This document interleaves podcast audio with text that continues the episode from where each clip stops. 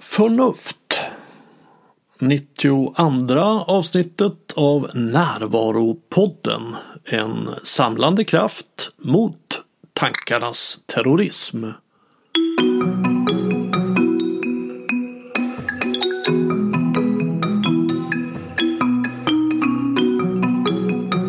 Det här är Bengt Renander och när jag för fem år sedan startade Närvaropodden så gjorde jag det för att jag helt enkelt vill dela med mig av vad jag har lärt mig i livet. Jag tänkte att eftersom det fått så positiv betydelse för mig så kanske det också kan få det för andra. Och jag vill göra det i samtal med människor som gått i samma områden som jag men kanske på andra vägar. Jag vill inte göra intervjuer med förberedda frågor och journalistisk ambition. Jag vill heller inte göra debatter eller diskussioner där vi ska övertyga varandra om vem som har rätt. Jag vill träffa människor som intresserar sig för samma saker som jag och ha ett samtal där vi nyfiket kan jämföra våra upplevelser. Jag strävar efter en balans där vi pratar ungefär lika mycket men ibland pratar gästen mer och ibland pratar jag mer och så får det vara. Första gången jag såg statistik för nedladdningar av podden var efter ett halvår. Då hade det gjorts 10 000 nedladdningar. Jag blev verkligen häpen. Jag hade ju trott att någonstans mellan 50 och möjligen 100 personer skulle lyssna på ett avsnitt. Efter tre år så var det en halv miljon nedladdningar. Och nu efter fem år över en miljon. Jag tycker att det är roligt och hoppingivande att det finns ett så stort intresse för frågor kring hur det är att vara människa och hur vi kan utvecklas. Närvaropodden har ju som underrubrik Stoppa tankarnas terrorism. Varför då kan man fråga sig? Jo, våra tankar handlar ofta om det som inte är, det som borde vara. Vi ältar det förflutna och oroar oss för framtiden. Det gör oss rädda. När vi är rädda så går vi in i försvarsreaktioner som att kollapsa, fly eller anfalla. Det är sällan klokt. Vi hamnar i depression, utbrändhet, missbruk, aggressivitet. Jag brukar kalla det för att vi blir destruktiva i en mardröm.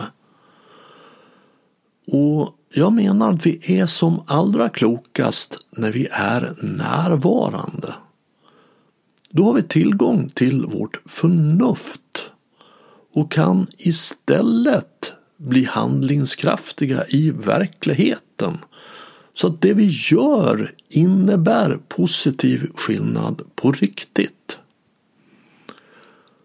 Förnuft är alltså en kraftfull förmåga som vi kan använda för att leva ett bra liv. Här har jag ett samtal om förnuft med Christer Sturmark som är förlagschef för facklitteratursförlaget Fri Tanke. Och han är författare, aktuell med boken Konsten att tänka klart. Vi pratar om att förnuft består av rationalitet och klokhet. Om hur ett rationellt resonemang kan se ut. Om att förnuft innehåller kärlek om strävan att verka god istället för att göra gott. Om att en förnuftig handling leder mig mot mitt mål. Om att jag inte ser världen som den är utan som jag är. Om att vi är dåliga på att bedöma sannolikheter. om att vi gärna hittar en berättelse som skapar mening av en slump. Om förankringseffekten och beslutsblindhet. Om att det är bra att veta att man är lätt manipulerad. Om att rädslan drar oss från förnuftet. Om meditation som en väg till den förnuftiga delen om missuppfattning uppfattningar kring den vetenskapliga metoden, om konspirationsteorier, om sekulär humanism och om vad det innebär att vara öppen. Här är Christer Sturmark. Förnuft innefattar två komponenter. Dels att man är rationell, det vill säga att man eh, Eh, inte drar irrationella slutsatser utifrån givna premisser så att säga. Utan att man drar slutsatser som följer utav premisserna, den, den kunskap man har. Eh, så att rationalitet är en, är en viktig, det är en nödvändig del av förnuft. Men det räcker inte med det. För att Rationalitet är en rent mekanisk process. Förnuft kräver också en moralisk kompass. Ja. Ska vi ge ett exempel på ett rationellt resonemang? Aristoteles var det väl som sa att eh, alla atenare eh, är dödliga. Eh, en premiss. Sokrates var atenare. Premiss nummer två, av det följer att Sokrates är dödlig. Mm, helt enkelt en slutsats som följer av sina premisser, rent logiskt. Så att säga det är ju det är så att säga rationalitet. Och irrationalitet så som den manifesteras mycket idag tycker jag det är ju att man trots att man har kunskap om någonting väljer att tro någonting helt annat eller motsatsen till det som kunskapen mm. pekar mot. Så att säga. Det, jag skrev ju i DN Kultur för några veckor sedan om att Sverige har fått en vice talman i, i riksdagen som är kreationist som förnekar revolutionsteorin till exempel. Trots att all vetenskaplig evidens talar för att den är, är riktig. Mm. Eh, det är irrationalitet. Mm. I, i, I, dagens kontext så att säga. Mm. Det går emot logiken. Ja, det går emot, ja precis. Mm. Så, så det är en del i förnuftet. Men det räcker inte med rationalitet. För, för vi, vi kan ju se, det, det kan ju finnas då rationella resonemang som inte är förnuftiga. Ja, just det, för att de saknar moralisk kompass. Ja, Exakt, precis. man kan tycka då att en viss typ av människor inte är önskvärda. Ja, ja, ja. Och då är det ju önskvärt att ja, göra sig av med dem på något sätt. Det är rationellt, men det är inte ja. förnuftigt för det Nej, finns precis. inte en klokskap i det. För det är inte riktigt vettigt att hålla på och göra sig av med människor. nej, nej, det kan man lugnt säga. Nej, men alltså Nej men precis, det, det, är ju, du skulle kunna säga så här. Om en premiss är att du behöver pengar och, ehm, och en annan premiss är att du kan råna en bank och vara väldigt säker på att inte bli upptäckt. Låt oss anta att du kan vara eh, helt säker på att du, att du kommer klara det. Av det skulle man ju kunna säga att en rationell slutsats är ju då att gör det, råna den där banken. Men det är inte en förnuftig slutsats därför mm. att det går emot en moralisk kompass som handlar om att man beter sig inte så helt enkelt. Precis. Mm. Så att rationalitet är en sorts eh, en, en ganska kylig men logisk resonemang där som, som leder fram till någonting som inte det kan inte leda fram till någonting annat. Nej. det det leder fram till. Exakt. Det, men det är liksom ingen hemma. Det finns inget hjärta Nej, där. Utan precis. det är en hjärna. Mm. Det är en mekanisk process kan man säga. Ja, precis. Matematisk process. Mm, I någon mening, ja precis. Ja. Och det, så det räcker ju absolut inte för, för, för förnuft så att säga. Eller klokskap om man så vill. Eller vishet. Det finns ja. ju många ord på detta. Eh, utan man behöver ju så att säga den moraliska dimensionen. Man behöver en värdegrund. Man behöver en uppsättning värderingar. Eh, och en slags kompass i det helt enkelt. Så att mm. man vet så att man har en känsla för vad som är det rätta att göra i olika situationer. Mm. Men då tänker jag att om man har en moralisk värdegrund som handlar om att uh, vissa människor borde, alltså vi borde, ja, fascistisk värdegrund till mm. exempel, att, att uh, de svaga, eftersom vi är starkare har vi rätt att uh, behandla då de svagare sämre. Mm. Så, så, så vore det då utifrån den moraliska värdegrunden förnuftigt att behandla dem illa. Ja, jag förstår vad du menar och det här eh, leder ju till en ganska djup filosofisk fråga, nämligen finns det moraliska värden som är objektivt sanna?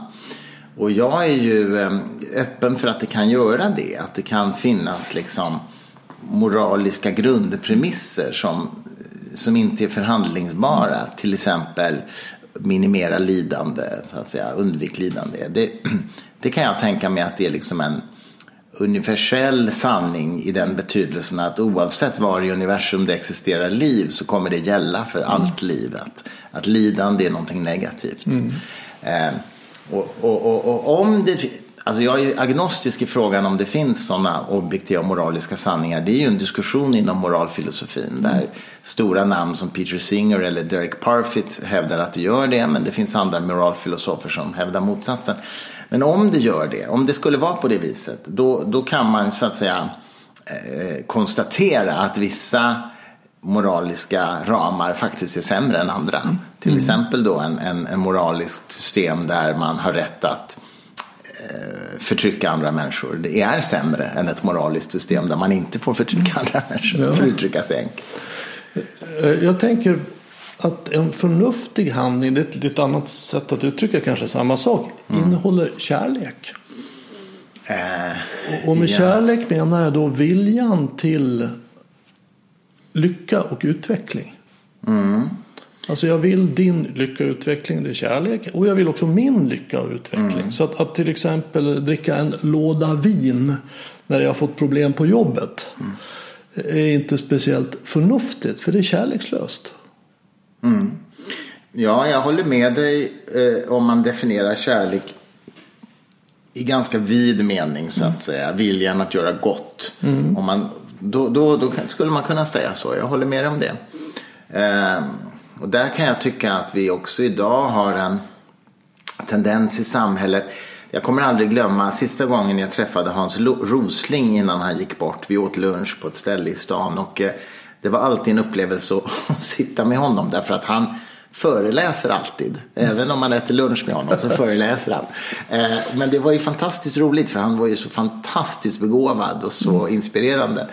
Så han föreläste för mig i en och en halv timme. Och, och eh, då sa han till mig ibland så sa han så här att Christer, hur du, alltså det, det är så jävligt det här, alltså att vi svenskar, vi är så förbannat upptagna av att vara goda istället för att göra gott, sa han. Mm. Och det tycker jag var väldigt klokt sagt. Ja. Alltså det finns en slags självbespeglande tendens i att framstå som god istället för att försöka göra en förnuftig analys av vad gör mest gott så att säga. Mm. Och eh, jag kommer inte på något omedelbart exempel på detta nu men att det finns en sån tendens i vår samtid tycker jag att man ska säga rätt saker, man ska framstå på rätt sätt. Um, och, in, och förneka vissa problem som man inte vill tala om. Och, så här. Så, och det tror jag har skapat problem för oss på lång sikt. Men man skulle kunna säga att det är klokskap utan rationalitet. Hur menar du nu? Jo, alltså att man, man vill väldigt väl, man ja. har en väldigt stark moralisk värdegrund och man, mm. man vill väldigt väl. Men det är inte rationellt. Så det kommer inte att leda dit jag vill. Nej, just det. Nej, det är en aspekt på det. En annan aspekt är att det är ganska narcissistiskt. För att det handlar mer om mm. hur man vill framstå än vad man vill åstadkomma. Mm. Men eh, ja, både och. Så, så, det blir inte förnuftigt av den anledningen att den rymmer inte rationaliteten? För det nej, åstadkommer så... inte det man påstår nej. sig vill åstadkomma. Nej, nej, då är det inte förnuftigt. Det är riktigt. För jag, tycker, jag, jag tror jag fick det från din bok att det en fin definition av förnuft är att det är en, en förnuftig handling är en handling som leder mig mot mitt mål. Ja, just det. Mm. Precis. Så, så och, och, de flesta människor tänker har ett någon sorts grundläggande och ganska enkelt mål om att jag, jag vill bara vara lycklig, ha, ha, det, ha det bra. Mm. Så där, och jag kan titta på det här jag gör, leder det mot det? Mm. Att skrika åt min fru. Att, att, mm. att uh, röka massa cigaretter eller att sätta i mig det här godiset eller att uh, bara gå och lägga mig. Mm. Leder det till det? Mm. Och, och, gör det det så är det då en förnuftig handling och gör det inte det så är det inte en förnuftig handling. För det leder mig inte mot min lycka, mot min mer långsiktiga mål. Mm. Nej, men det, det, är, det håller jag med om. Mm. Det är en, en, klok, klok analys. Och som du har märkt också i, i, när du har läst min bok så tar jag ju ganska mycket spjärn emot de här samtida, vad ska vi kalla det för, new age-strömningarna som finns i vår samtid. Som, som jag också upplever på det sättet att det är väldigt självbespeglande så att säga. Mm. Väldigt själv, det är väldigt självcentrerat. Mm. Istället för att försöka liksom blicka utåt och se vad, vad kan, hur kan jag agera i världen för att göra det till en lite bättre plats. Så att mm. säga. Så är man istället väldigt fokuserad inåt och ser sig som universums centrum om jag får överdriva lite nu. Mm. Och det, det, det är det jag försöker någonstans vara en motbalans till i den här boken. Den ja. tendensen, bland annat. Och, och, det, finns, det är ju den ena upplevelsen vi har inifrån, att jag är universums centrum. Mm. Att vart jag än är så, så är jag i mm. centrum. Jag kan åka mm. till New York så är jag centrum där, mm. åka till Indien centrum där. Och den andra starka upplevelsen som vi har inifrån det är ju att, att jag ser världen som den är. Mm. Och de andra idioterna fattar inte. Nej. Nej. Och det är ju den, kanske den största fällan vi kan gå i. Oh ja, oh ja. Och du vet, det, det är till och med värre än så tycker jag. För idag finns det ju många människor som säger så här, ja men det finns inga objektiva sanningar alls. Utan allt är subjektivt och min sanning behöver inte vara din sanning och så där. Och det, det tycker jag är ett väldigt farligt förhållningssätt. Verkligen. Och väldigt, väldigt avsaknad av ödmjukhet. Därför att jag skulle ju säga så här, det är självklart att det finns objektiva sanningar. Saker och ting är på ett sätt oavsett vad jag tror om det så att säga, eller vad någon annan tror om det. det antingen finns det liv på Mars eller också inte, det, oavsett vad jag tror om saken. Mm. Och, och det väsentliga tycker jag är att förstå att det är ju bara då, det är ju bara om det finns objektiva sanningar som jag kan ha fel. Mm. Och det skapar ju en ödmjukhet. Jag vet att jag kan ha fel därför att det finns ett, ett korrekt svar och jag kan antingen ha rätt eller fel i det jag tror. Men om det inte finns objektiva sanningar som en del säger, ja då kan man ju aldrig ha fel. Då är man ju felfri. Jag tycker det är otroligt narcissistiskt att tänka så. Verkligen. Och, och det är ju farligt i den bemärkelsen att vi får ju svårt att, att interagera med verkligheten. För sanning och verklighet hänger ju intimt samman. En ja. sanning är ju någonting som säger något om verkligheten. Exakt, exakt. Och har vi då en relativ uppfattning om verkligheten så kan vi inte göra, hur ska vi interagera med den? Nej, exakt precis så. Och, och, och jag förstår inte, för det där har ju blivit lite trendigt att tänka på det viset. Och jag, jag, jag förstår verkligen inte det. Alltså. Det är oerhört självcentrerat. Alltså. Ja, det är på något vis ego, jag, centrum. Jag har rätt till att ha en egen sanning. Mm. Du ska inte komma till mig och berätta vad som är sant. Nej, Utan det här är min sanning. Ja, och du precis. får ha din sanning. Sen måste man ju naturligtvis skilja på saker som är smakfrågor. Alltså om jag tycker att en låt är bra och du tycker den är dålig. Då är det ju ingen av oss som har rätt eller fel. För det är ju en subjektiv fråga. Men när det gäller så att säga hur verkligheten är beskaffad. Då är det mm. faktiskt en objektiv fråga. Ja.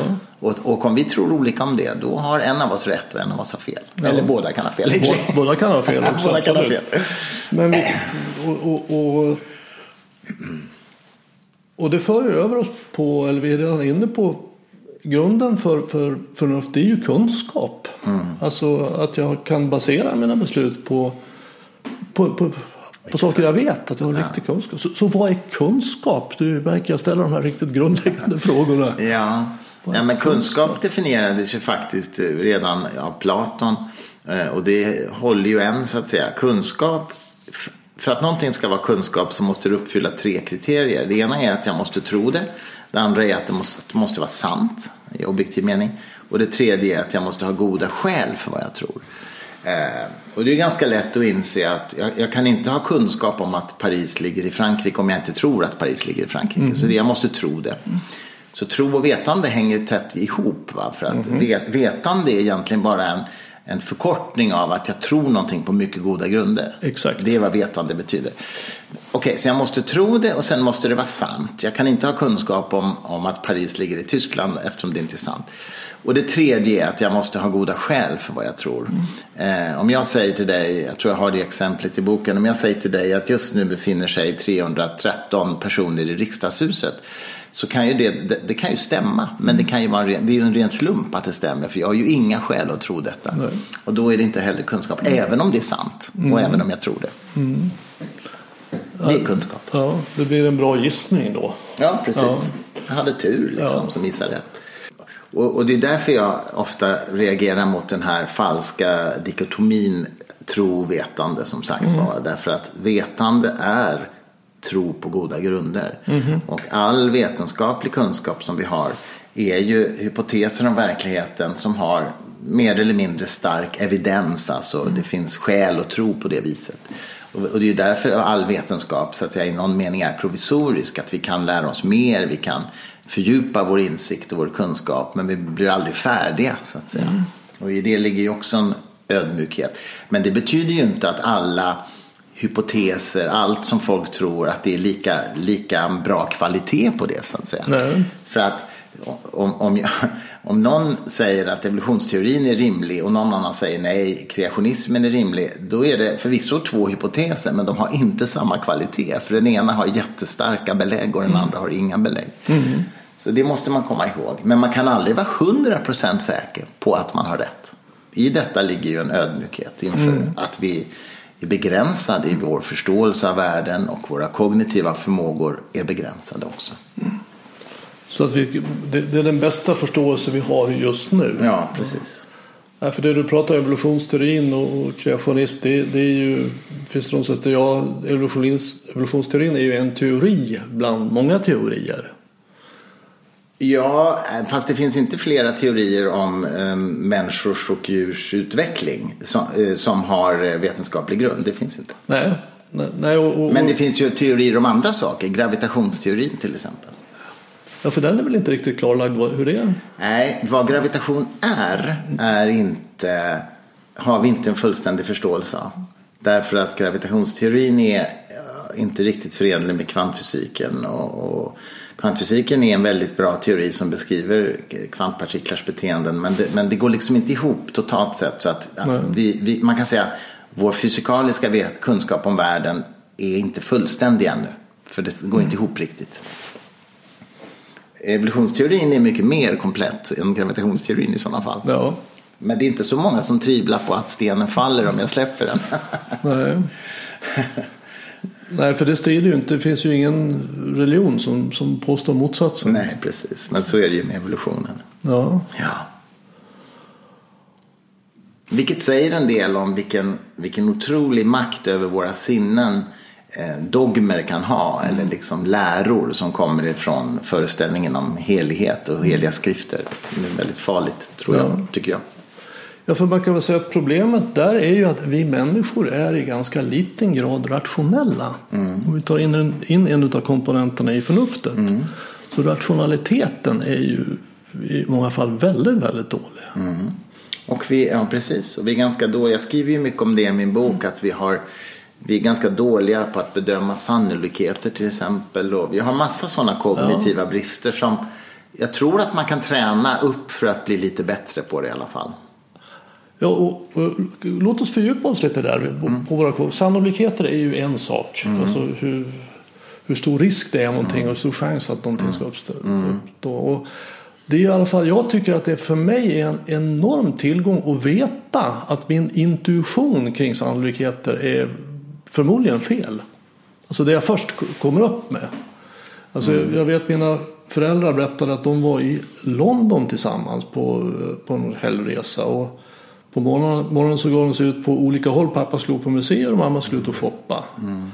Och eh, strax efter lunch så står mamma och väntar på tunnelbanan. Tunnelbanetåget kommer in, dörrarna öppnas och där står min pappa. Och sannolikheten för det är ju helt obefintlig. Och hon ger ju så då ut till, försöker hitta större, större anledningar. Men där tänker vi ju fel. Alltså att sannolikheten att, att min mamma ska träffa min pappa är ju väldigt, väldigt liten. Men det är inte det det är frågan om. Utan att två personer som känner varandra ska träffas av en slump i London under en dag. Den sannolikheten är ganska stor. Och nu rå- råkar det vara dem. Ja, nej men visst. Så är det ju. Det är ju därför, det, det är därför de här föreställningarna om synkronicitet är så populära i new age-kretsar. Att man säger att det här är så osannolikt så det måste finnas en mening med att det hände. Eh, universum vill säga någonting till mig genom att det här skedde. Och, och dels är det ju just en bristande förståelse för sannolikhet som ligger bakom det där. Och så är det det här narcissistiska, liksom att universum har ordnat det här för mig. Otroligt självupptaget. Ja. Ja, nej, för vi, har, vi är ju berättande varelser. Mm. Vi, förklarar ju vår värld som är ju väldigt komplex och märklig på många sätt Ja. Mm. genom berättelser. Och, och, och de här, så att säga då att ja, det var en slump.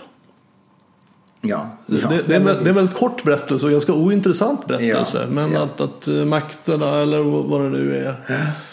Så svårigheten att beräkna sannolikheter är en sak och det har ju också då med våra, hur vi ser på faror till exempel. Ja, ja, visst, alltså att visst. vi är väldigt rädda för att flyga och för att bli anfallna av hajar. Mm. Det går helt obekymrat in i badrummet. ja ex, exakt. Ja. Som är en väldigt farlig plats. Nej, men visst är det så. Visst är det så. Vad är det mer för fällor vi ofta går i?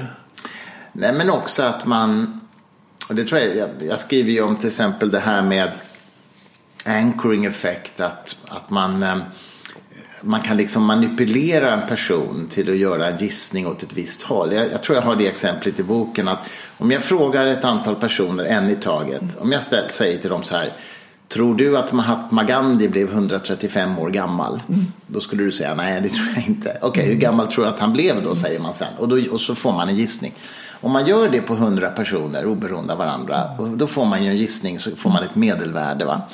Och så gör man samma sak med 100 andra personer, en i taget. Och så säger man inte, tror du Mahatma Gandhi blev 135 år först? Utan man bara säger så här, hur gammal tror du Mahatma Gandhi blev, säger man. Då kommer medelvärdet på deras gissningar vara lägre än medelvärdet på den första gruppens gissningar. För att då har jag sagt 135 innan och då kallas för anchoring effect. Att man liksom förankrar sin gissning i det här talet som man hörde och så gissar man då lite mer än om man annars skulle ha gjort. Och det där är ju otroligt manipulativt men det används ju när du sätter priser på, på Absolut. produkter och sådär. Så det är, ju- och jag tror att det är bra att vara medveten om det här för då blir man inte riktigt lika lättlurad som om man inte är medveten om det. I en löneförhandling. Ja, alltså vem, vem säger den första siffran? Exakt. Och sen kan man också tänka sig då en tredje grupp som får, får frågan Tror du att Mahatma Gandhi blev över 60 år? ja, ja, precis. Ja. Så, så får man säkert då ännu lägre. på dem. Exakt, exakt. Så är det ju. Så att vi är så lätt manipulerade. Ja, vi är ju det. Och, och, Utan att veta om det. Men då är det bra att i alla fall veta det. Ja. Jag vet att jag är lätt manipulerad. Jag vet att, att det är Jag har väldigt svårt med att beräkna sannolikheten. Ja, och jag har ju massa exempel i min bok för att jag tänker ju att den ska fungera som ungefär som att gå på gymmet för hjärnan. Man. Det, det är bra att gå på gymmet för sina muskler men det är ganska bra att göra det för hjärnan också. Det, det måste jag säga. Välbehövligt. Ja, För att eh, hjärnan ställer ju till mer problem för oss än musklerna. ja. ja, ja det har du rätt. Alltså huvuddelen av de problem vi har ställer vi ju till för oss själva Ja. i vårt sätt att tänka, hantera våra tankar och, och våra känslor. Ja. Så vi kan göra väldigt mycket där. Jag och min hustru har en ritual som vi gör nästan varje eftermiddag kväll innan middagen. Det är att vi spelar två, tre, fyra partier blixtschack. Alltså med klocka. Vi har bara tre minuter var för hela partiet plus två sekunder för varje drag. Det kallas för Bobby Fischer eh, style för tid, tiden. Det går alltså väldigt fort. och Det är väldigt intensivt, intensivt väldigt aggressivt kan man säga. Man attackerar liksom. Så här.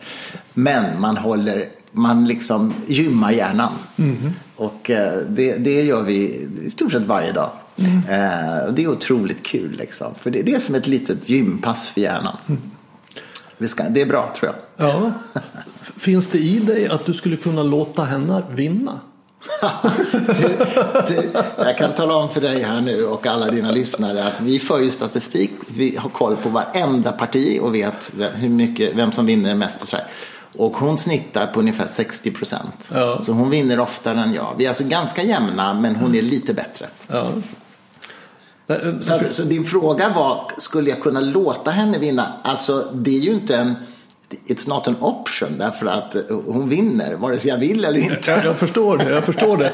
För jag, jag tänkte att, att schack är ju ett väldigt, eh, väldigt rationell verksamhet. man, att man förutser vissa drag och det, det är inte så mycket hjärta i det. Nej, det har du rätt i. Så att, att man, jag tänkte att man skulle också föra in lite hjärta. Hon, hon, jag vill ha en trevlig kväll. Och det skulle... Fast vi har väldigt trevligt. Vi har väldigt trevligt. Vi kommer ju från olika världar. Hon är ju konsthistoriker och jag är ju naturvetare. Hon skriver skönlitteratur och jag skriver facklitteratur. De som lyssnar på, vi har ju en podd ihop som heter Den gyllene grenen. Jag måste få säga det för att de som lyssnar på den vet ju vilka olika världar vi kommer ifrån. Men hur roligt vi tycker det är att förena de världarna. Det gör vi i våra ständiga pågående samtal hela tiden. Och det är två perspektiv från två helt olika håll. Men det blir en väldigt häftig syntes faktiskt. Um, så att det finns mycket hjärta i det. Ja. Det, och, och, du vet, ingen av oss är en dålig förlorare så att det är liksom, det, det är inget problem. Nej. Nej, för det är ju ett sätt också att, för att ta in kanske den svåraste situationen att, att använda sitt förnuft är just i relationer. Mm.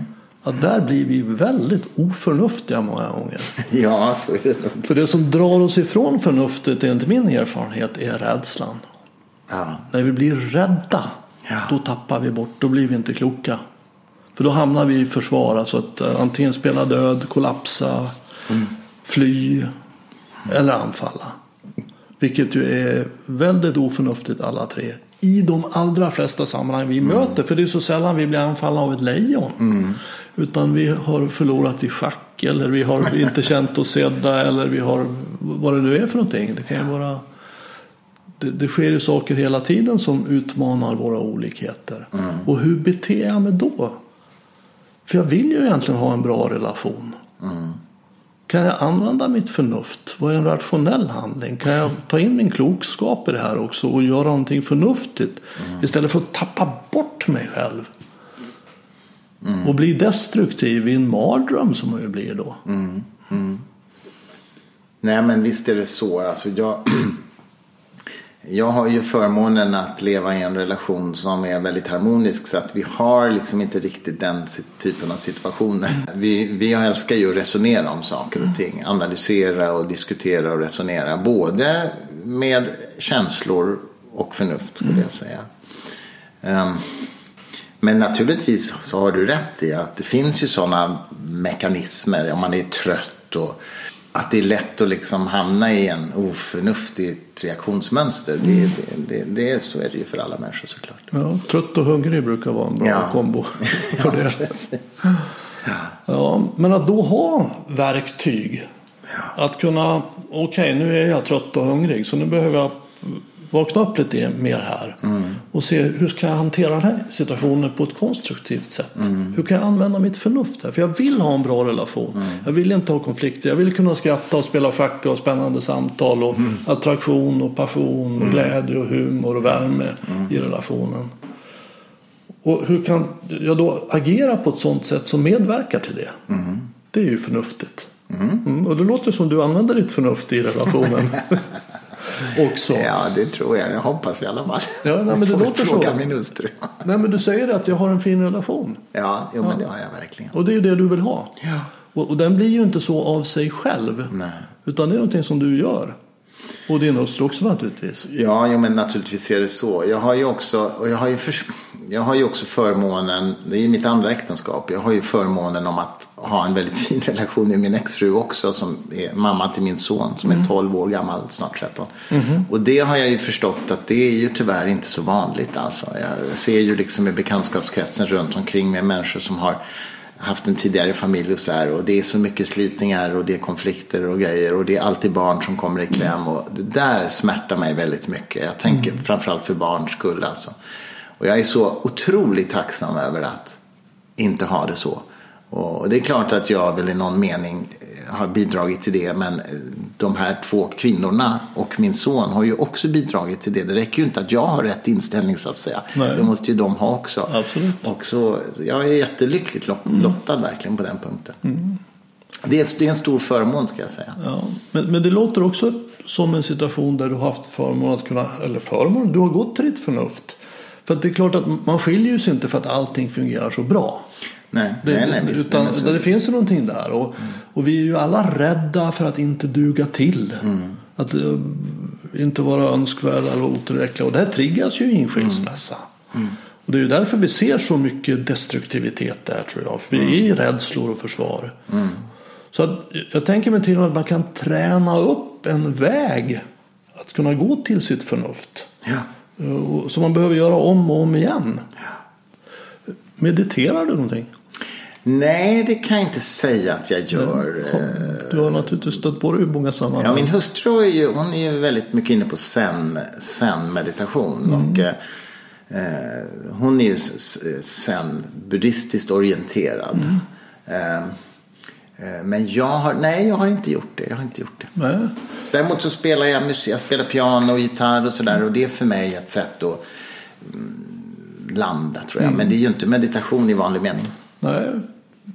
För mig, jag mediterar en hel del och, och för mig är det ett sätt att trampa upp den här vägen till den förnuftiga platsen. För vad man gör är att man sätter sig och, och tittar inåt och ser, gör en sorts inventering, vad finns här nu? Och det kan ju finnas mycket väl rädsla, otillräcklighet och nervositet och vad det nu är. Men då kan man gå till den bevittnande platsen. Och istället för att jag är rädd, för är jag rädd då behöver jag gå till mina försvarsmekanismer. Så spela död, fly, anfall. Det. Mm. Så kan jag ha en känsla av rädsla. Och då är jag på en bevittnande plats. Och den platsen är klok. Den är förnuft. Där kan jag, därifrån kan jag använda mitt förnuft. Hur länge mediterar du om dagen ungefär? Ja, det är lite olika. Tio minuter i alla fall. Absolut. Men, men sen så när, dagarna jag inte jobbar så gör jag också yin-yoga. Och då, det är också en form av meditation. Och då blir det uppåt en och en halv, två timmar. Samtidigt som jag då är i kroppen. För, för meditation är ju egentligen att gå till den här bevittnande platsen. Alltså den del av mig som är klok. Jag har ju en sån del och det har vi alla. Vi alla har en del som är klok. Och vi har, rymmer också alla möjligheter att inte vara kloka. Alltså att bli rädda och destruktiva. Och, och ju oftare jag kan gå till den del som är klok, ju mer kan jag då använda mitt förnuft. Och vara konstruktiv i verkligheten och bidra till både min egen och andras lycka och utveckling. Vilket då är min absolut inte fullständig utan någon snäva bild av kärlek. Att vara kärleksfull. Mm. Nej, men det, jag, jag kan verkligen se och förstå hur fruktbart det kan vara att meditera. Jag, jag har liksom inte... Nej, men jag har nog kanske inte riktigt den ron att ta mig den tiden. För att jag älskar att läsa och liksom ta in... Jag, jag, har, jag är väldigt nyfiken hela tiden och då... då men jag, jag, en vacker dag kanske jag börjar, jag vet inte. Jag kommer att tänka på ett uttryck som säger så här att meditera 20 minuter om dagen. Och har du inte tid med det, meditera en timme om dagen. Ja, ja det är bra. Det är bra. Ja, jag förstår verkligen poängen. Ja, ja det är bra. Kunskap pratar vi om, att det är viktigt att kunna för, för förnuftet att utgå från kunskap som är sann. Så att, att ha fötterna på jorden. Och, och hur pass svårt det är för oss människor att få det. Alltså våra hjärnor är inte riktigt... Den är ju mer gjord för att överleva Ja. än att, att eh, se vad som är sant. Mm, visst är det så. Du skriver en hel del om upplysning också i boken. Så ska, ska du beskriva hur, hur vår kunskaps, eh, Nej, men jag tror så här. kunskapssökande utvecklats under de senaste 500 åren? Ja, ja, nej, men jag, jag tror så här att eh, det är precis som du säger att evolutionen har ju utrustat oss med kognitiva förmågor i första hand för att överleva, inte nödvändigtvis för att få reda på vad som är sant. Utan det är ju snarare en bieffekt så att säga. Va? Och det är ju också därför vi gör misstag. Vi, vi, till exempel så övertolkar vi agens som man brukar säga. Man Tänk dig att du, att du bor på savannen i en hydda och så är det skymning och du går ut ur hyddan och ser en rörelse i ögonvrån. Då är det bättre att missta en buske för en tiger än att missta en tiger för en buske så att säga. Eh, Det vill säga det, är bättre, det ökar chansen för din överlevnad om du har fel åt det ena hållet snarare än det andra hållet. Alltså vi övertolkar att det finns en, en levande varelse där så att säga. Och ifrån det har det ju då kommit att vi börjar tänka, har börjat tänka att det finns att naturen är besjälad och en sten har en ande i sig eller blixtnedslag kommer från någon slags gud i himlen och sådär. Men vi har ju också, för att tala om upplysningen som historiskt begrepp, vi har ju också utvecklat det som kallas för den vetenskapliga metoden. Som är ju ett sätt att kompensera för våra kognitiva brister. Det är ju vi gör experiment, vi utvärderar resultatet, vi ser om det stämmer med vår hypotes eller inte. Framförallt så kan många forskare göra samma experiment. Mm. Det, det räcker inte att jag vill att resultatet ska bli på ett visst sätt utan andra kan prova det. Och i den här processen finns det ju liksom en inbyggd felkorrigering som också kompenserar för våra individuella kognitiva brister. Det är därför den vetenskapliga metoden är ett så fantastiskt sätt att ta reda på kunskap om hur världen är beskaffad. Mm. Den fungerar så att säga i det långa loppet. Sen har den ju haft fel ibland. Men det korrigerar sig alltid mm. med tiden. Det är det som är poängen. Eh, och en av mina stora, vad ska vi säga, livsuppgifter när jag startade det här förlaget Fri Tanke med, med Björn Ulvaeus för 15 år sedan. Eh, både han och jag älskar att läsa populärvetenskap. Det är liksom en stor passion. Och, eh, för mig var det ju min, den passionen som drev mig till att starta det här förlaget. Det är ju att jag vill visa människor hur fantastiskt det är att se på världen med vetenskapliga glasögon. Mm. Så att säga. Vi behöver inte ta till en massa pseudovetenskapliga idéer om astrologi eller homeopati eller andar eller medium eller allt vad det nu är. Det, världen är så fantastisk som den är. Mm de, de naturliga förklaringarna är så fascinerande, så inspirerande. Man får en sån sense of wonder, alltså känsla av förundran inför hur världen fungerar när man börjar förstå den naturvetenskapligt. Mm. Så skippa liksom hittepå-grejerna. Mm. Förstår du? Absolut. Det är min drivkraft i alla fall. Ja. Nej, men jag, jag, jag delar det. Och, mm. och jag tycker också det finns en ödmjuk... För det finns de som tycker att då vetenskapen tror att den kan förklara allt och ska förklara allt. Men det, det här magiska, det går inte att förklara med vetenskap. Men, men, men det, är inte det vetenskap handlar om. Utan vetenskap handlar ju i grunden om att jag, i förhållande till väldigt mycket säger jag vet inte. Jag vet inte hur det här går till. Istället för att förklara mig att det är en gud som gör så här. För, för att, att mm. inom de trossystemen så vet man alltid. Ja. För astrologin förklarar det här att det går till så här och mm. så här därför. Mm. Det, det, finns ingen ödmjukhet där. Nej, det, precis så är det. Och det finns, jag skriver ju om det också i boken. Det finns så många missuppfattningar om just den vetenskapen. Alltså, till exempel, jag har hört så många gånger av folk sagt till mig så här Ja, men du tror bara på det som vetenskapen kan förklara, säger de. Mm. Och så är det ju inte alls. Mm. För det första tror jag på en massa saker som inte har med vetenskap att göra överhuvudtaget. Mm. Jag tror på kärleken till exempel. Mm. Jag tror på mänskliga rättigheter. Jag tror att det finns liv på andra planeter. Det finns ingen vetenskapligt som pekar på det alls. Mm. Utan det är en hypotes som naturligtvis är, är bara grundad på en sannolikhetsbedömning. Mm. Så det är en svag hypotes i den meningen. Men jag tror, jag tror den. Men Eh, säg att du kommer till mig med, säg så här att du säger att du har hittat en växt på Himalayas sluttningar som om man äter den så, så botar det snarkning. Mm. Tror jag på det? Alltså, eller inte? Jo, för det första är det ju jättelätt att testa. Mm. Man gör ju ett dubbelblindexperiment mm. där man ger ett antal personer sockerpiller och sen ger man ett antal personer ett piller som innehåller det här växtämnet. Och om den gruppen snarkar mycket mindre än de som får sockerpiller, ja då är det klart att jag kommer tro på det här. Trots att vetenskapen inte har en aning om hur den här fungerar. Mm. Det är ju liksom nästa sak att ta reda på på vetenskapen. Hur den här växten gör att man inte snarkar. Men att den gör det, det räcker ju bara att visa i ett vanligt dubbelblindexperiment så är ju saken klar. Mm. Alltså, det tror jag på trots att vetenskapen inte kan förklara det. Mm.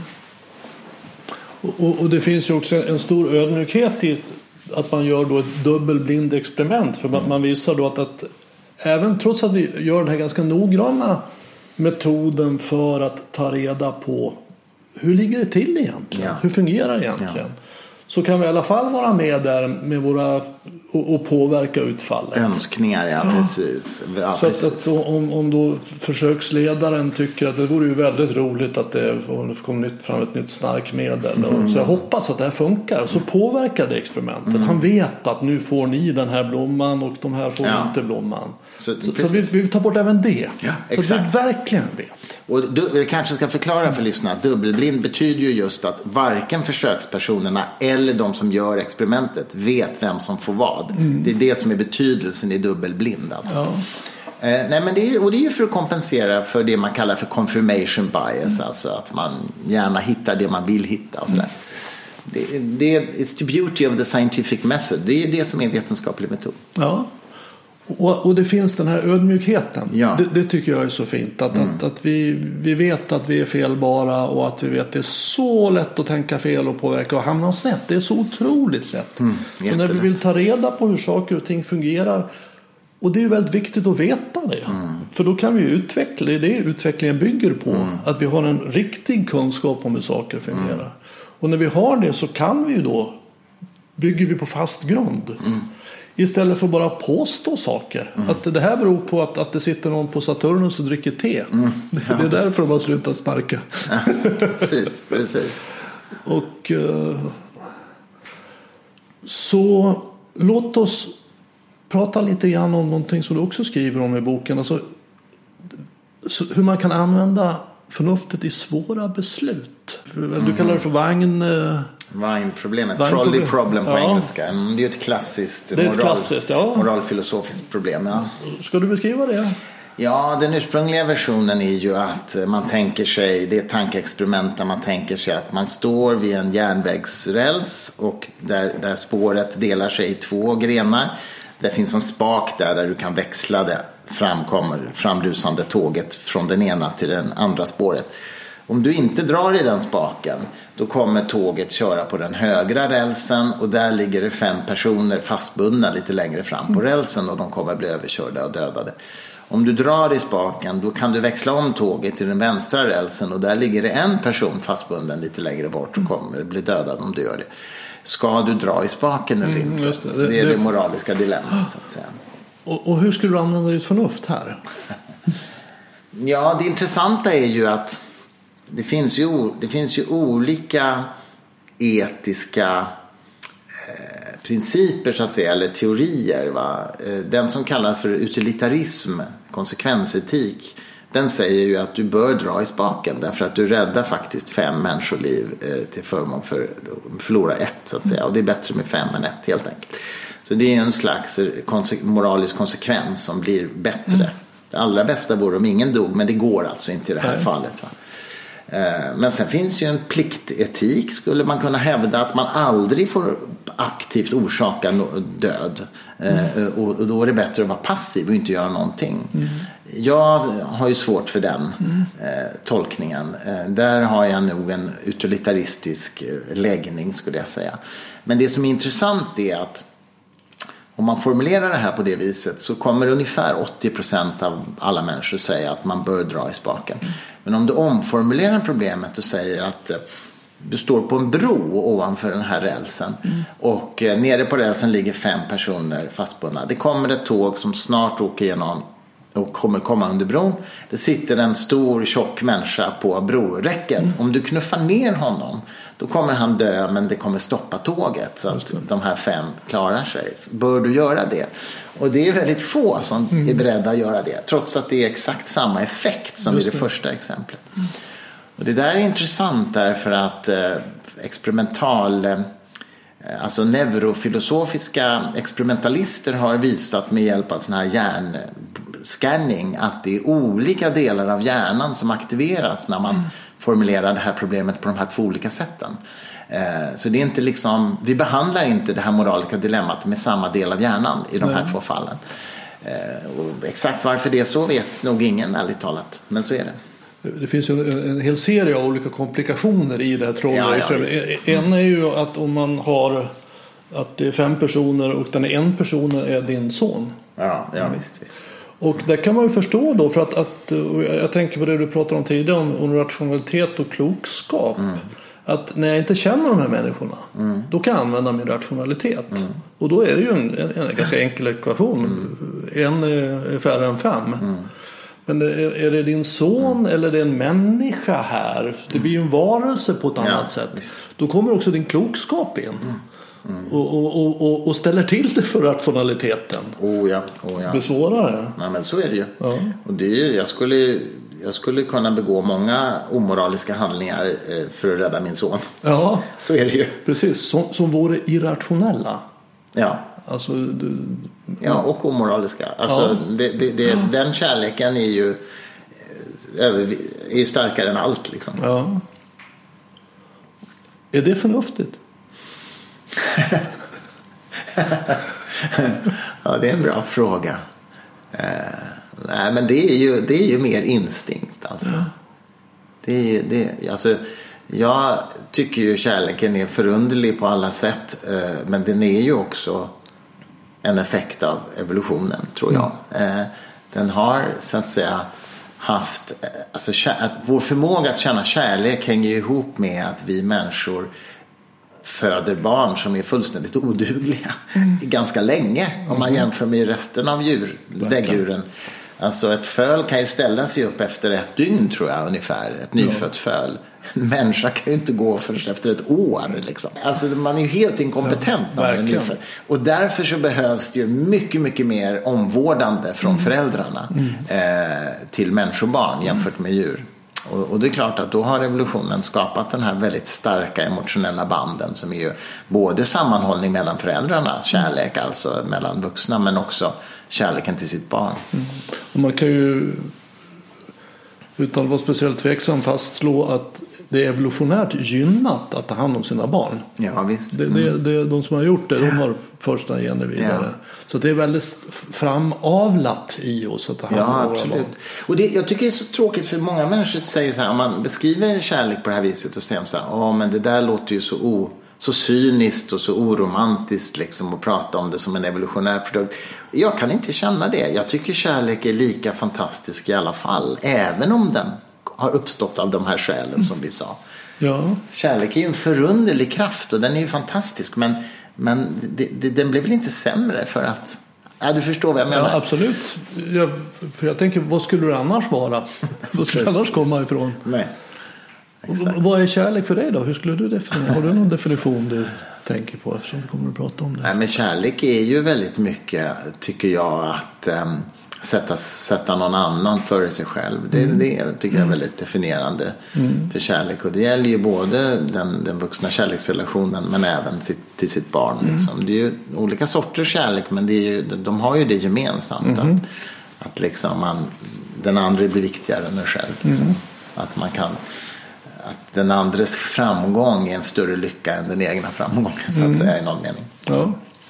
Ja, det blir ju viljan till någon annans lycka och ja, jag vill det väl. Exakt, exakt. Och också att jag är beredd att göra ganska stora umbäranden för att mm. så ska ske. Så behöver du en njure så kan du få min. Mm. Ja, det blir besvärligt för mig men du, det, mm. det ger jag dig. Verkligen, verkligen. Ja, jag tycker det är så, så, så spännande det här med tankefällor och hjärnspöken. Vi pratar mm. om, om förankringseffekten. Mm. Men det finns ju lite fler. Det är ju, beslutsblindhet är ju ett experiment som faktiskt gjordes första gången så vitt jag vet vid Lunds universitet. Och det är ju det här, det här med att vi människor efterrationaliserar så gärna. Vi konstruerar en rationellt argument för vad vi tycker och tänker efter att vi har bestämt oss vad vi tycker och tänker. Istället för tvärtom.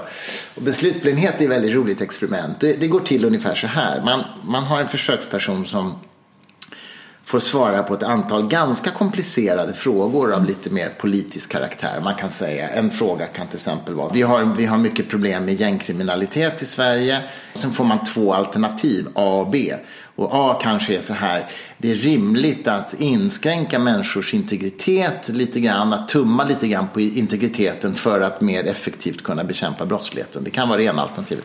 Och det andra alternativet säger då tvärtom att man får inte tumma på människors rätt till privatliv och integritet typ övervakningskameror och sådär eh, för att, eh, för att, eh, så att säga, komma åt brottsligheten. För den integriteten måste gå före. Och så har man ett antal sådana frågor. Och så får man säga vilken man tycker då. Utav här. Och sen så när man har gjort det då tar försöksledaren ut det här pappret och säger nu ska vi mata in det här i databasen och analysera. Under tiden ska vi gå igenom dina svar här och då har man liksom en kopia under de här. Som, som eh, då ska vara en kopia av vad man har svarat. Men den är då manipulerad så att där ser det ut som man har svarat tvärt emot mot vad man sa. Så om man svarade A på den här första då står det där att man svarade B. Och då säger försöksledaren så här, okej okay, nu ska vi gå igenom de här. Kan du motivera varför du valde B här i den första frågan? Och då är det så, kommer jag inte ihåg exakt, men då är det ganska många människor som inte ser att det är tvärt vad de sa. Mm. Och inte nog med det, de motiverar varför de valde det där som de inte valde. alltså efterrationaliserar hur de tänkte. Och det är ganska roligt men också rätt sorgligt att det är så på något Ja. sätt. Eller? Ja, dels att våra... För det här är en sorts värderingar, sitter inte så djupt. Nej. Det är, det visar, det är en sak som du visar och, och det andra är att, att jag kan hitta argument egentligen för, för vad som helst. Ja, ja visst. Jag kommer att tänka på en historia om, om journalisten frågade Slas om vad han hade för favoritfärg. Och då sa han ja, blått. och då var det en ambitiös journalist som sa varför just blått? Ja, rött då. ja, det är bra. Ja, men lite så. Ja. lite så. Det finns ett mycket enklare exempel är ju det här att du kan ju få, genom att ha en magnetstimulering av hjärnan så kan du få en patient eller vad heter det, försöksperson att börja skratta genom att man bara stimulerar hjärnan. Och om man frågar patienten eller försökspersonen då varför skrattade du? Då har de alltid något skäl till det. De säger att ja, men du hade ju en så konstig min eller den, hon som kom in i labbet där hade en så lustig tröja på sig. Och sådär. Så man efterkonstruerar ett skäl. För att hjärnan står liksom inte ut med att, att den skrattade utan orsak. Nej. Det är ganska roligt. Ja, och det, det är ju det som även det här, när man motiverar sitt beslut. Att man kan motivera, det, det bor på ett sätt många där. Ja. Det, det finns många möjligheter. Ja. Ja. Hjärnan kan eh, verka vara väldigt plastisk och, och rörlig och, och är svår att lita på. Verkligen. Det är så lätt att inbilla sig saker. Och jag, jag skulle prata lite grann med dig om konspirationsteorier också. Det måste ha ökat något enormt de senaste 5-10 åren. Eller? Ja, antagligen Jag kan inte minnas att det var så här för 15-20 år sedan. Nej. Men dels är det väl mycket mer synligt via sociala medier och sådär. Internet. kan det vara. Det är väl en förklaring. En annan är ju att det går att bygga upp liksom communities på nätet. För alla som tror att jorden är platt, de liksom kan träffa varandra och chatta i sina grupper och sådär. Och då, och det, jag tror att det väldigt mycket handlar om att människor vill hitta ett socialt sammanhang där de blir sedda och liksom eh, inte behöver vara ensamma och sådär. Ja. Eh, så jag tror konspirationsteorier har liksom en väldigt stark so- social funktion, gemenskap. Så att. Ja. Eh, och eh, det är väl det är ju fint så länge det inte är farliga konspirationsteorier. Alltså jorden är platt spelar inte så stor roll om folk tror det. Men, men det är ju värre om man tror att eh, amerikanska regeringen styrs av en satanistisk pedofilring då, som vi behöver kriga mot. Ja, då är det väldigt farligt. Ja, Som den här Qanon-rörelsen. just det. Och det var därför jag skrev just i DN Kultur om, om den här svenska vice talmannen som är kreationist. Att, att det är väl inte så farligt att man inte tror på evolutionsteorin i sig. Men, men en person som har förmågan att förkasta all vetenskaplig kunskap för att inte passa ens egen världsbild. En sån person blir en farlig politiker för att då kan man tillämpa det på andra områden som man inte heller tycker passar. Klimathotet eller vaccin eller något sånt där. Så att det är en väldigt farlig förmåga att kunna strunta i vetenskaplig evidens. Ja. Jag såg en annan so- som hade en argumentation som handlade om kvantmekanik. Man har ingen som helst utbildning i kvantmekanik men ändå har väl ganska avancerade teorier kring det. Alltså kvantmekanik är så fruktansvärt missbrukat av new age-kulturen. Man blir helt matt alltså. Årets Nobelpris gick ju till eh, bland annat en av våra författare, Anton Zeilinger, eh, fick Nobelpriset i, i fysik nu på grund av sin forskning på kvantfysik. Kvantfysiken är ju den mest, kvantfysiken har ju de mest märkliga fenomen som naturvetenskapen rymmer idag. Men de här new age-människorna som åberopar kvantfysiken, de har ju inte fattat någonting. Alltså, I'm sorry to say. Ingenting de säger om kvantfysik stämmer ju. Och jag brukar säga det, kvantfysiken är mycket häftigare än vad de tror. Men inte på det sättet som de tror. Nej. Vår- vår- Vår hjärna verkar inte vara byggd på ett sätt som kan förstå den. Nej. Nej, alltså till att börja med så vänder jag mig egentligen mot den här idén, ska man tro på vetenskapen eller inte? Alltså vetenskapen är ingenting man tror eller inte tror på. Vetenskapen är en metod som visar resultat och som ger evidens eller falsifierar eh, hypoteser och så vidare. När det gäller kvantfysiken så är det en av de en av de mest perfekta teorier vi har. Mm. Därför att den är otroligt stark i vad den förutsäger experimentresultat. Och vi skulle inte kunna ha datorer om kvantteorin var fel så att säga. Så att i den meningen så vet vi verkligen att kvantteorin är, är korrekt. Mm. Men det går inte att beskriva vad den egentligen beskriver. Mm. Därför den är otroligt ointuitiv, kontraintuitiv. Mm. Det här med entanglement, sammanflätade partiklar på mm. ett avstånd till exempel. Mm. Det är ju det är så vackert mm. och så fascinerande men det är ju helt obegripligt. Och att något kan både vara en våg och en partikel ja. samtidigt. Ja, visst, visst, visst. Exakt. Just det här med att två partiklar verkar liksom vara sammanlänkande trots att den ena är på månen och den andra på jorden.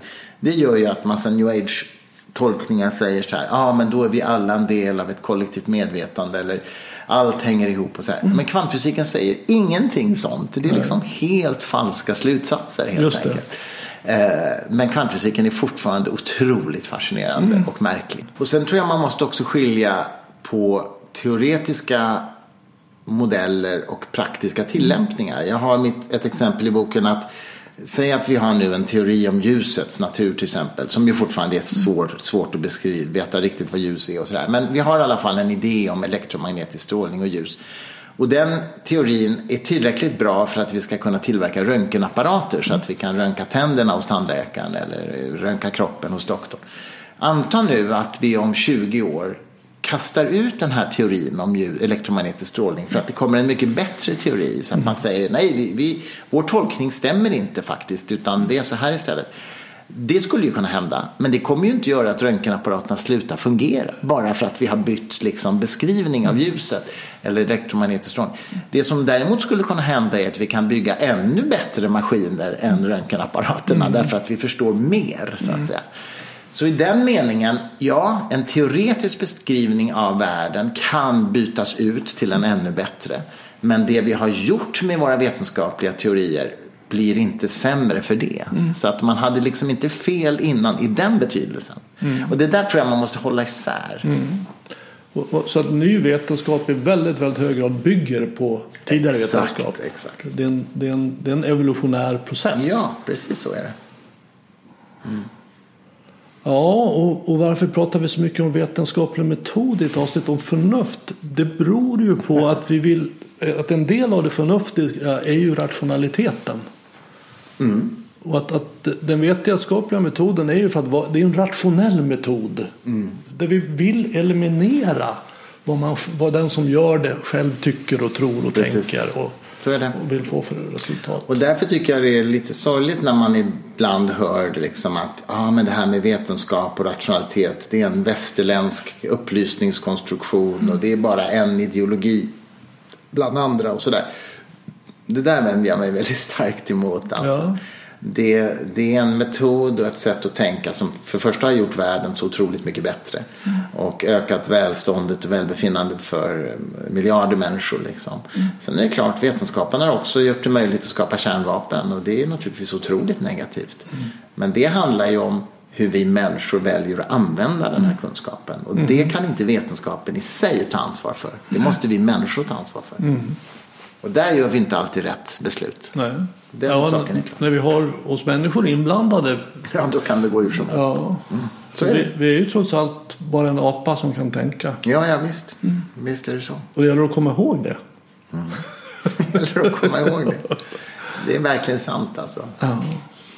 Ja, men det är ju därför också som jag, eh, jag, min livsåskådning är ju den som kallas för sekulär humanism. Och det är ju en naturalistisk livsåskådning. Inga gudar inblandade eller övernaturliga ting och sådär. Men det är en väldigt människobejakande livsåskådning. Det är liksom människans rätt att stå fri från förtryck och dogmer och doktriner. Det är väldigt centralt för mig i min, i min syn på människa och människovärde så att säga.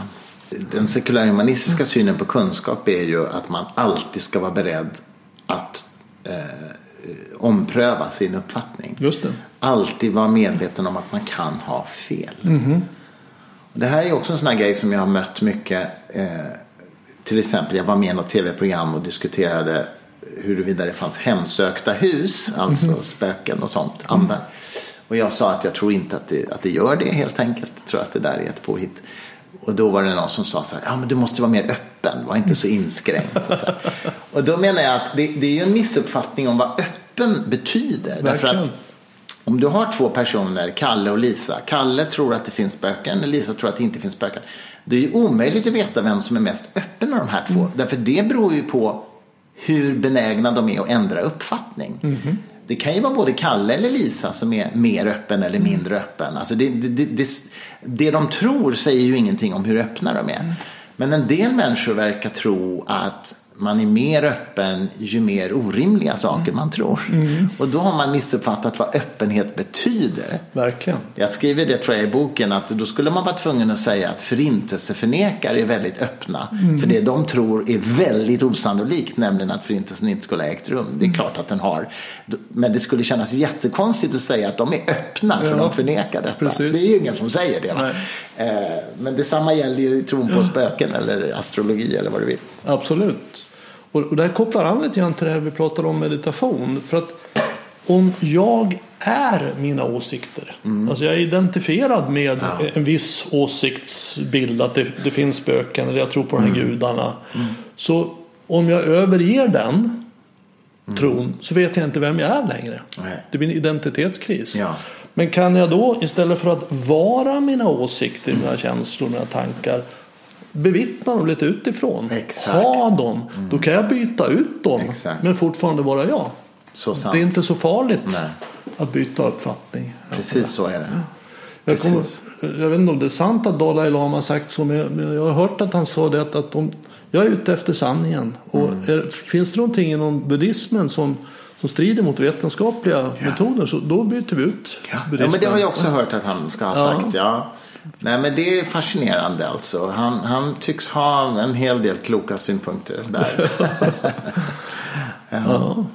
För oss då som vill stödja och få in mer förnuft i världen mm. så, så, låter det då som en väldigt angelägen mission att få in mer trygghet. Ja det tror jag faktiskt. Ja. Och, och, och, och, kärlek är ju en väldigt bra mm. sätt att få mig att, jag, att jag känner andras välvilja. Och det tror jag är det allra viktigaste i, i, i, ett föräldraskap om man, har, om man har barn. Det är ju liksom att förmedla trygghet till sitt barn. Det är det viktigare mm. än allt annat. Ja. Och absolut till barn men också till sina grannar, arbetskamrater, sin partner. Ja. Överhuvudtaget. Ja. Jo, jo, absolut. Men jag menar just att, att ge en uppväxande människa en grundtrygghet tror jag gör att den människan sen kan agera i trygghet och kärlek emot sin omgivning som vuxen. Absolut, mm. för då har den människan tillgång till sitt förnuft. Ja, ja. exakt. Det är så jag menar. Och, och, får vi en otrygg uppväxt så kommer vi att agera utifrån vår rädsla. Ja, precis så. Ja. Precis så. Låt oss avsluta med dem. med, de orden. med de stora orden. Ja. Stort tack för att du kom. Tack själv. Det var jätteroligt att få vara med i din podd.